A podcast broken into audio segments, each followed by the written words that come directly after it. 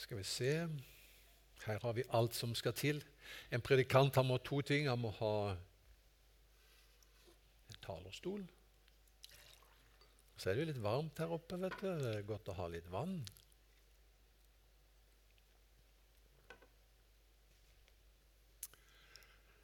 God formiddag, alle sammen. Virkelig fint å se dere. Jeg har hatt en god sommer, og nå gleder jeg meg til eh, høsten. Og vi er virkelig i gang. Det er eh, sånn at eh, Som Ellen Merete sa, at vi har hatt ferie, og så Amerikanerne har et uttrykk som heter 'when the rubber hits the road'. Jeg vet ikke riktig hva det betyr, men jeg føler det er en skikkelig sånn pangstart. Uh, det er vi i alle fall inne i nå. Um, og um, vi skal begynne en ny taleserie, for å gå rett på det. Og uh, det skal uh, i grunnen vare gjennom hele høsten. Og vi skal ta for oss Galaterbrevet. Så hvis du liksom vil tune inn og være på bølgelengde og frekvens med hva vi i staben jobber med fremover nå disse nærmeste månedene, så setter du det inn i Galaterbrevet. Og jo bedre forberedt du er, jo eh, mer utbytte vil du ha av det. Vi skal ta for oss de første fem versene i dag. Men så skal vi da gå ut og, gjennom høsten, kapittel for kapittel. La meg vise deg en forside av en bok som jeg så. Den er skrevet av en pastor som heter Andy Stanley. Og Han sier at eh, en gang eksisterte det en versjon av troen som var uimotståelig. Og Boka handler om å gjenvinne det nye Jesus brakte til verden. Jeg har ikke lest boka. Eh, den er ikke kommet ut enda heller, så det er noe så. Men det, det fenget min oppmerksomhet, det der. En versjon av troen som var uimotståelig. De første kristne fanget med sitt budskap eh, hedningeverdenens oppmerksomhet. Ikke bare det. De kom til å elske dette budskapet og den personen det handlet om. Så tenker jeg kan det skje igjen? At det i landet vårt finnes menigheter som vekker omverdenens oppmerksomhet og interesse, og omfavner budskapet og begynner å elske det det handler om. Vet du hva? Det tror jeg. Det nye som Jesus brakte, som han eh, sånn sett henviser til, det er evangeliet. Det var helt uhørt. Evangelium det er jo et gresk ord som betyr nyheter. Så det er jo liksom bare i det så forteller vi jo at dette er noe nytt. Dette er noe som ikke har eksistert før. Det har vært mange religioner, religionsstiftere. Men da Jesus kom med evangeliet, var det noe nytt. Det var nyheter. Ikke bare nyheter, men gode nyheter. Du som har hørt meg tale før, vet at jeg liker å, å, å gi følgende definisjon på hva evangeliet er for noe. Eh, en som het William Tyndale, han eh, forklarte ordet evangelium på denne måten. Eh, William Tyndale var den første for, for, øvrig som oversatte Bibelen til engelsk. Så det er jo noen år siden. da, dette her. Men han sier evangelium er et gresk ord som betyr gode eller glade nyheter. Det gjør menneskenes hjerter glade, får dem til å synge salmer og hoppe og danse av glede. Det er hans definisjon. Og så For å få hjelp til det så har de en gitarsolo av og til. Ikke sant? Det er evangeliet. Det er virkelig gode nyheter.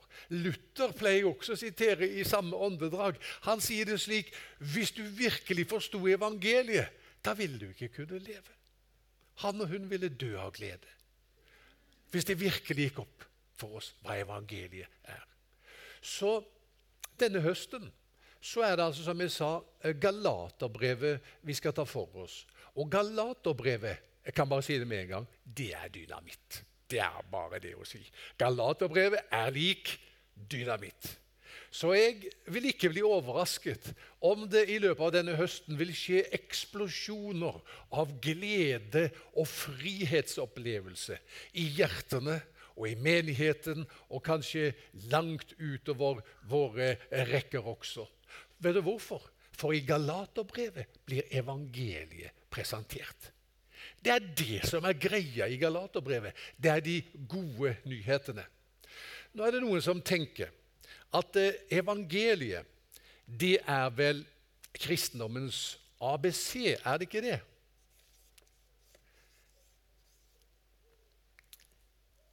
Kjenner du denne boka? Gjør du? Ja, det var min første lesebok òg, skjønner du. Åh, jeg fikk varme følelser når jeg tenkte tilbake til første klasse på Gard skole, og, og læreren min eh, ga meg denne boka. Og det var ABC-en.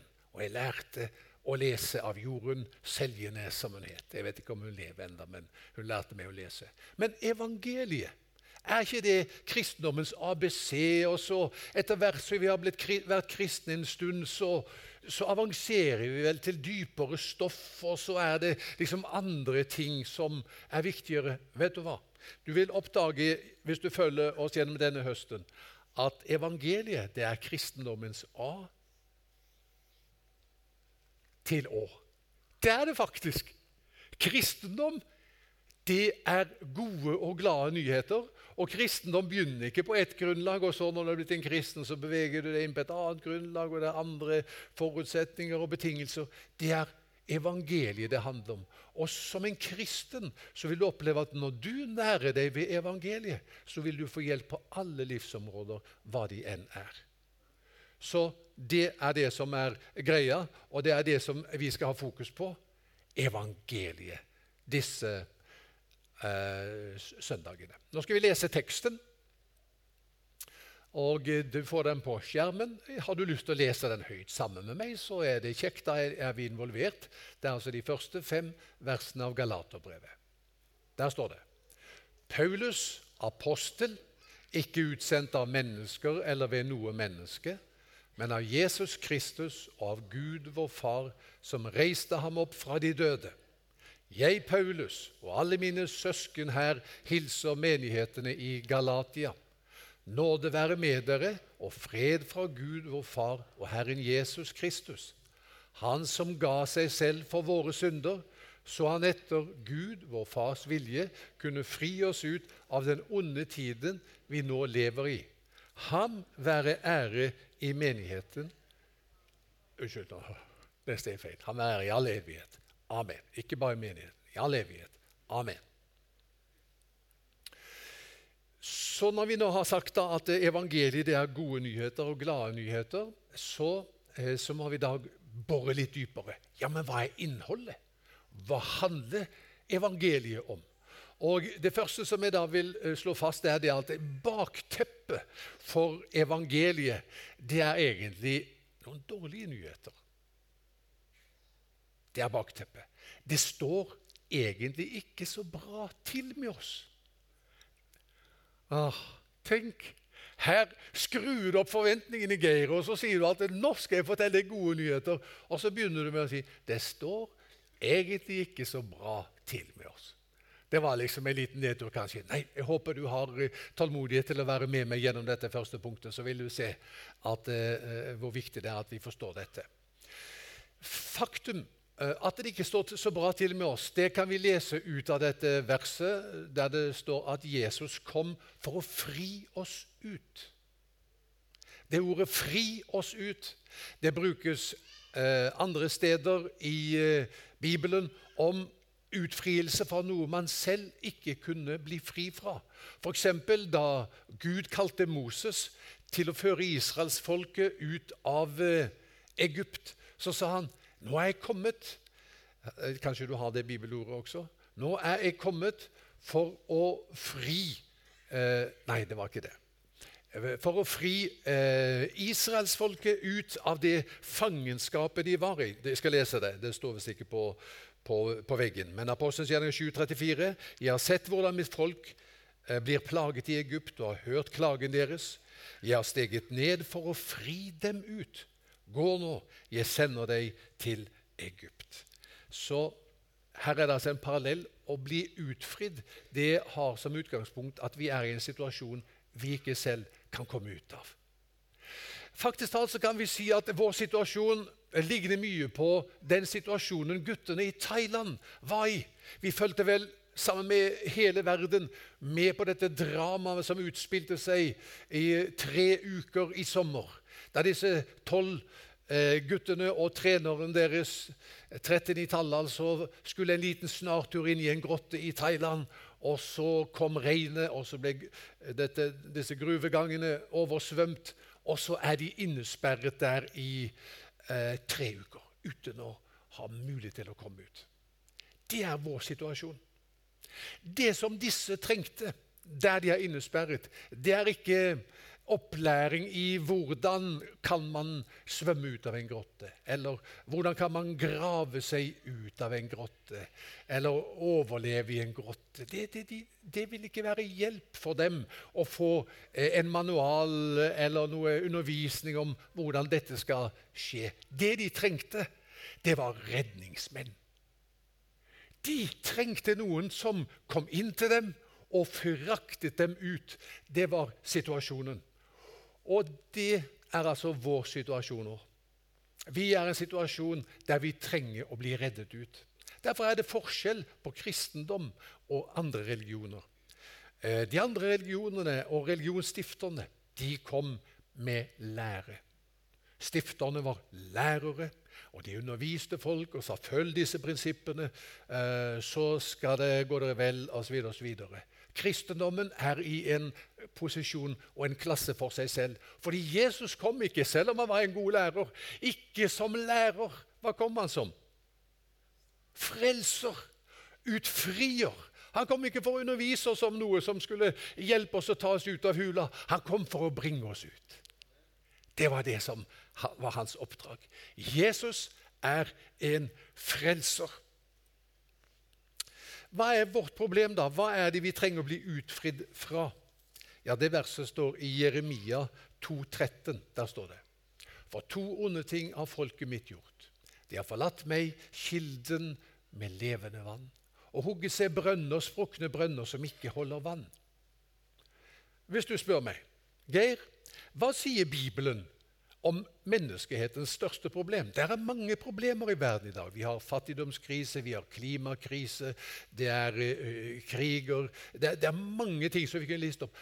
Hva er menneskehetens største problem?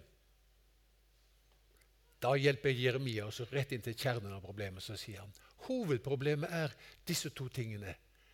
At vi har forlatt Gud, kilden med levende vann, og at vi har hugget oss ut brønner som ikke holder vann. Det er ikke vann i disse brønnene. Vi har forlatt kilden med levende vann. Det er vann her å finne. Og så trenger vi alle vann, og så leter vi etter vann andre steder. Men det er ikke vann å finne. Disse brønnene her, de, det er ikke vann i dem.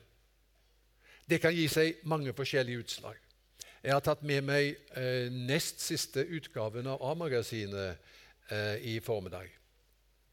Og på forsiden så står det 'generasjon prestasjon junior'. Er det noen som har lest det? Jeg har ikke fått noe betalt for å reklamere for A-magasinet, men jeg tenker, nå skal du høre. Det står noe som er veldig interessant om hvordan det kan være i et samfunn som hogger seg ut, hogger seg ut sprukne brønner. Det er slik at Fra høsten 2020 skal livsmestring og psykisk helse inn i de nye læreplanene. Og Bakgrunnen for det er at eh, myndighetene har fått urovekkende tall på bordet. Hvert sjette barn har psykiske plager som nedsetter funksjonsevnen. Ungdataundersøkelsen fra 2017 viser at halvparten av videregående elevene svarte at de bekymrer seg for mye, og at alt er et slit.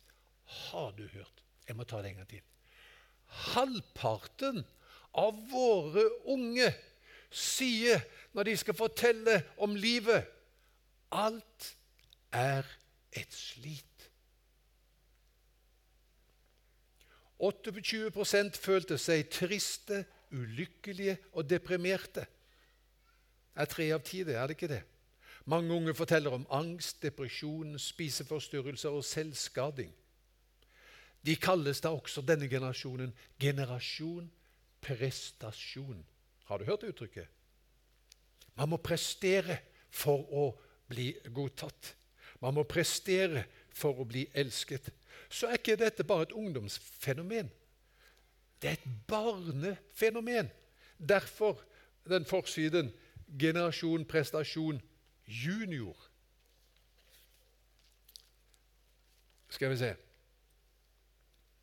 Også barneskoleelever sliter. Studier viser at elleveåringer er de lykkeligste i Norden. Er det noen elleveåringer her? Antagelig ikke. Kanskje lenger oppe. Er det noen på elleve år her? Vel, vel, da er du lykkeligst i Norden, står det her. Deretter blir spiralen nedadgående. Da begynner de selvkritiske holdningene å bli mer tydelige. Det dukker også opp et større press på arenaer utenfor skolen, ikke minst på sosiale medier. Og de unge sier at de føler høye prestasjoner både i fag og idrett er viktig for å passe inn sosialt. Jeg tenker Dette er et symptom på noe. Et samfunn som sliter fordi vi har forlatt kilden med det levende vann.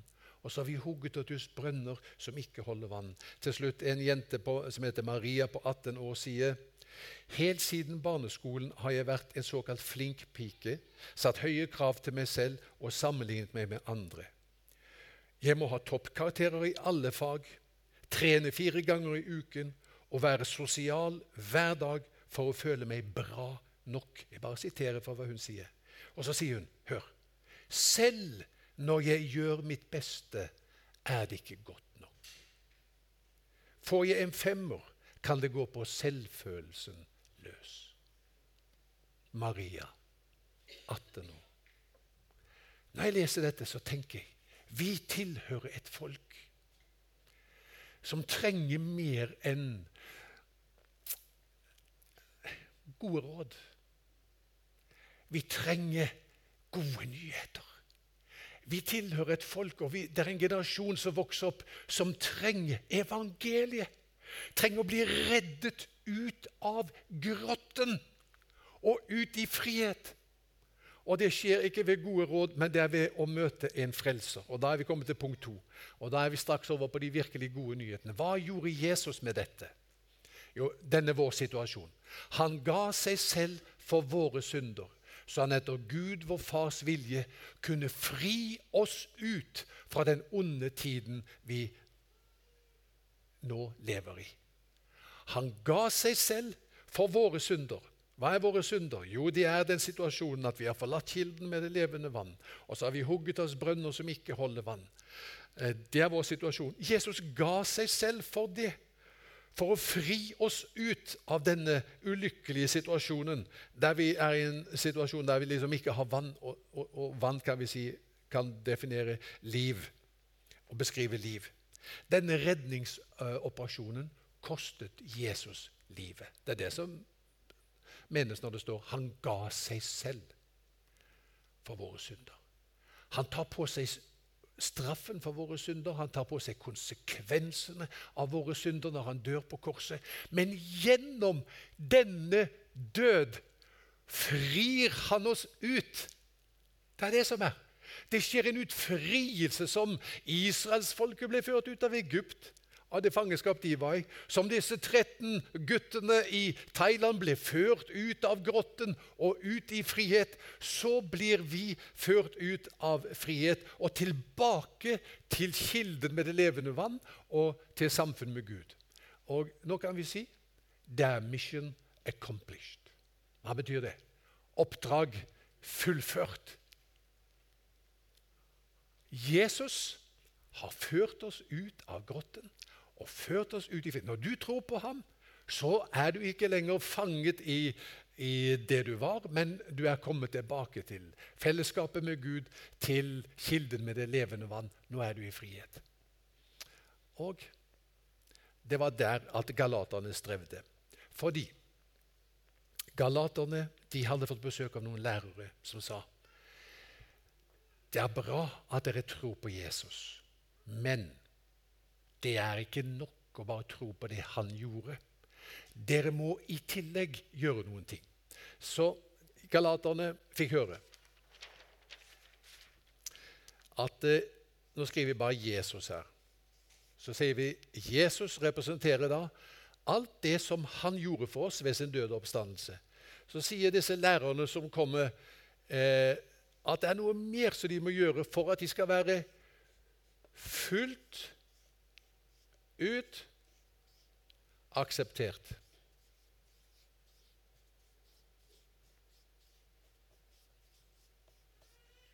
For å være fullt ut akseptert det, Her skal det være et likestein.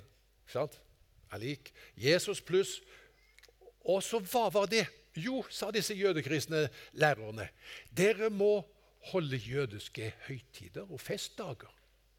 Dere må holde renhetsforskriftene når det, når det gjelder mat. Altså Det er noe mat dere kan spise, og så er det noe mat dere ikke kan spise. Og så må dere la dere omskjære. Og på den måten så vil Gud si her har vi noen som virkelig har gått hele veien, og de er nå fullt ut akseptert. Det var et Jesus pluss budskap. Og Galaterne de følte da på det at vi er ikke gode nok kristne. For det er en del ting vi må gjøre for å være fullt ut akseptert. Og Da er det at Paulus sier i Galaterbrevet problemet deres er ikke at dere ikke er gode nok kristne. Men problemet er at dere har begynt å tro at det, det er det det handler om. At man må være gode kristne for å være fullt ut godtatt. Dere har begynt å stole på at det, det er en del av fundamentet. At det er Jesus pluss Skal vi si da være god kristen. Da er du fullt ut akseptert. Det er problemet. Og da sier Luther Nei, da sier Ja, han sa det, men nå var det Paulus. Da sier Paulus det er helt feil.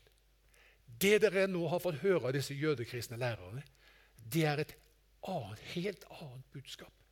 For det å blande sammen Jesus og det som vi kan kalle prestasjoner, det går ikke an. De er gjensidige. De utelukker hverandre gjensidig. Fordi at enten så er det det som Jesus har gjort, som alene bringer deg ut i frihet. Eller så er det noe annet. Dine prestasjoner, og dine bønner og at det at du er en god kristen. Da er det det som bringer deg ut i frihet. Du kan ikke blande de to. Du kan ikke ha litt av det og litt av det. I det øyeblikk du tar litt sånn gode prestasjoner inn i budskapet om Jesus, da har du spolert hele greia. Det er å, sier han, det er å forvrenge evangeliet, står det i versene etter de vi leste. Det, er, det betyr det er å reversere evangeliet. Hvis du tar det neste bildet, det, Han sier det er å føre dere tilbake inn i grotta igjen.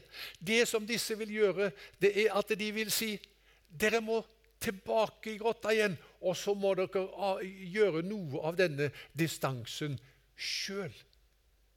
Greia var jo den at disse gutta, vet du hva de bidro med når de ble ført ut? De tok imot hver sin sovetablett, har jeg lest. Så sov de seg gjennom hele redningen. Det, det ville være farlig hvis de var våkne. Så de fikk en sånn beroligende tablett, gikk inn i en behagelig døs, og så ble de reddet ut. Paulus sier evangeliet, det er Jesus pluss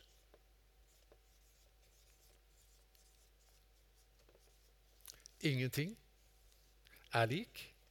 Fullt ut akseptert.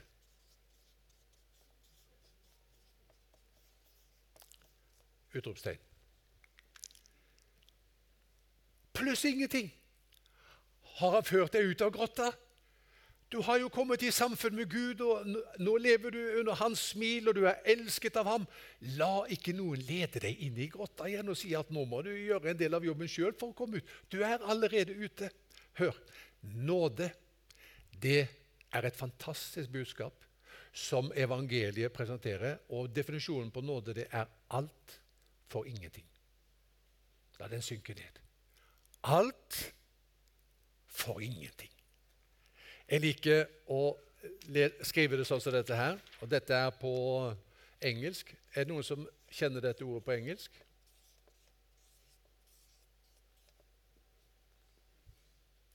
Grace. Grace, det betyr nåde.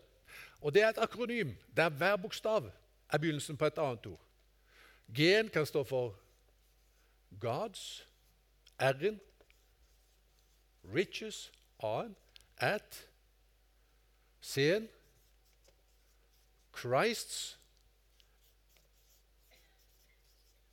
og en expense. Nåde. Se på det. Det er God's riches at Christs expense. Det betyr det er altså Guds rikdommer, og det er Kristus som har betalt for det. Alt for ingenting.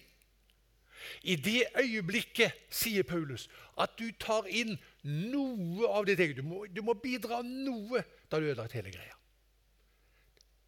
Du må velge enten prestasjon, min fromhet, mine gode gjerninger, som, hvordan, hvordan, skal vi oversette det på norsk? La deg omskjære, holde høytidene, spise noe mat, spise, ikke spise annen mat. Hvordan skal vi oversette dette inn i vår kultur? Ja, Du må være en god kristen, du må leve sånn og sånn. Og sånn. Og hvis ikke du lever opp til sånn og sånn, og sånn så er, ikke, er du ikke fullt ut akseptert. Sånn er det ikke. Tar du noe av det inn i budskapet om eh, Jesus, har du spolert hele greia. Det er som vakuum. Kan vi ha litt luft inn i vakuum og så fortsatt ha vakuum? Litt sånn luftberiket vakuum? Nei, det går ikke an. I det øyeblikk du tar noe luft inn i vakuum, så er det ikke vakuum lenger. Og skal du høre Dette begynner å bli veldig kjekt, gjør det ikke det? Der eh, eh, eh sier mm, Paulus i Romerbrevet 11,6, der sier han Og er det av nåde er det ikke på grunn av gjerninger. Ellers var ikke nåden lenger nåde. Hele poenget med nåde er at det er ufortjent. Og hvis du vil bli frelst av nåde, så skal du ikke bidra. Det er hans verk fra ende til annen. Han har ført deg ut i frihet. Nå er du der du hele tiden har lengtet etter å være. Du har fått del i God's riches. Du er kommet tilbake til kilden med det levende vannet, og du er elsket. Ufortjent. Så vi kan si at evangeliet egentlig, det er eh, Det er eh, følgende Det er verre med deg enn du har trodd. Men du er også høyere elsket enn du noen gang kan drømme om. Så det som vi skal si til unge mennesker er, som føler seg ufullkomne, det er ikke å si 'jo da, du er fullkommen'. Det er klart du er fullkommen. Nei, de vet at de er ikke fullkomne. Hva skal vi si til dem da? Nei, det, det er sant, du er ikke fullkommen. Men det gjør ikke noe. Og Jeg leser om en profet i Det gamle testamentet. Han lå under en busk og sa til Herren, ta mitt liv. Så sier han, for jeg er ikke bedre enn mine fedre. Han heter Elia. Da har jeg lyst til å rope til Elia. Elia, hva stresser du med? Du trenger ikke være bedre enn dine fedre for å være elsket av Gud. Du trenger ikke det. Vi uh, må gå inn for landing. Um, jeg har bare lyst til å si til slutt hva gjorde Gud? Han, det var han som iverksatte denne redningsoperasjonen. Han ga seg selv for våre synder, leser vi om Jesus, så han etter Gud, vår Fars vilje, kunne fri oss ut av den onde tiden vi nå lever i. Det var Guds vilje, det var hans tanke. Han iverksatte det. Og han er nå, punkt to, vår Far, som gir oss nåde og fred. Fred, hva er det? Det er det livet vi alle lengter etter. På hebraisk shalom. Hva lengter du dypest sett etter? Tenk deg litt om. Skal jeg si deg hva det er? Jeg tror jeg vet det nemlig. Det er at du skal bli elsket akkurat som den du er. Og at du har fred med Gud. Og fred i hjertet. Og at alt er vel. Det lengter du dypest sett etter. Vet du hva som er veien inn dit? Nåde. Nåde være med dere og fred. Det er nåden, den ufortjente kjærligheten som du ikke gjør deg fortjent. Altså. Det er inngangsporten til fred. Har du fått nåde, så har du fred. Og hva gjorde han til slutt? Det siste som jeg ville si. Han har slik gjort det mulig for oss å bli fridd ut av den nåværende onde verden, som sier til oss at det, først må du bli elsket. Nei, først må du uh, være verdig, vise deg verdig. Så skal du bli elsket. Først må du prestere, så skal vi godta deg. Um, sånn er det ikke. Vi danser ikke lenger etter den musikken. Vi marsjerer etter en annen trommeslager. Vi lar oss ikke lenger diktere av denne verdens verdier og tankesett. Først må du vise deg verdig, og så skal jeg elske deg. Men vi vet vi er elsket. Og Kristus har ført oss ut av grotten, og nå har vi fått del i det livet som, eh, som vi er skapt til. Og Derfor avslutter eh, Paulus med å si ham være ære i all evighet. Det er han som skal ha æren. Hadde vi bidratt på noen måte, så kunne vi klappe oss selv på skuldra og si 'Bra jobba, Geir, du, du, fikk dette til.' Men sånn er det ikke. Han sier 'all ære til Gud'. Amen. Herre, vi takker deg for eh, evangeliet, de gode nyhetene. Og nå priser vi deg for at eh, du har ført oss ut av grotten ført oss, fri, ført oss ut av fangenskap og inn i frihet. Og vi er kommet tilbake til kilden med det levende vann, og vi er elsket ubetinget. Takk for det, Jesus. Amen.